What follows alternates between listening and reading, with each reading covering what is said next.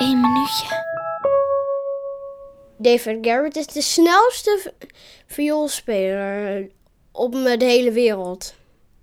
De snelste en dus ook de beste. Nou, bijvoorbeeld bij hem eh, het stuk van eh Pyotr Ilyich Tchaikovsky. dat is The Flight of the Bumblebee. die heeft hij gedaan in, ik weet niet hoe snel, maar het is echt een heel snel stuk. Echt heel snel.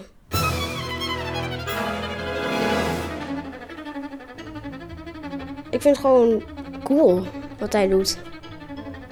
Ik zou heel graag met hem willen zijn, alleen. Als je snel me wilt spelen, dan eh, moet je vooral maar goed eh, in de stok duwen, zodat, je, zodat hij dan een beetje blijft haken. En dan moet je weer snel eh, doorspelen. En, ja, je hebt een hele snelle linkerhand nodig. Ja. Dus dat is best lastig. Eh, maar dat leer ik wel eens een keer.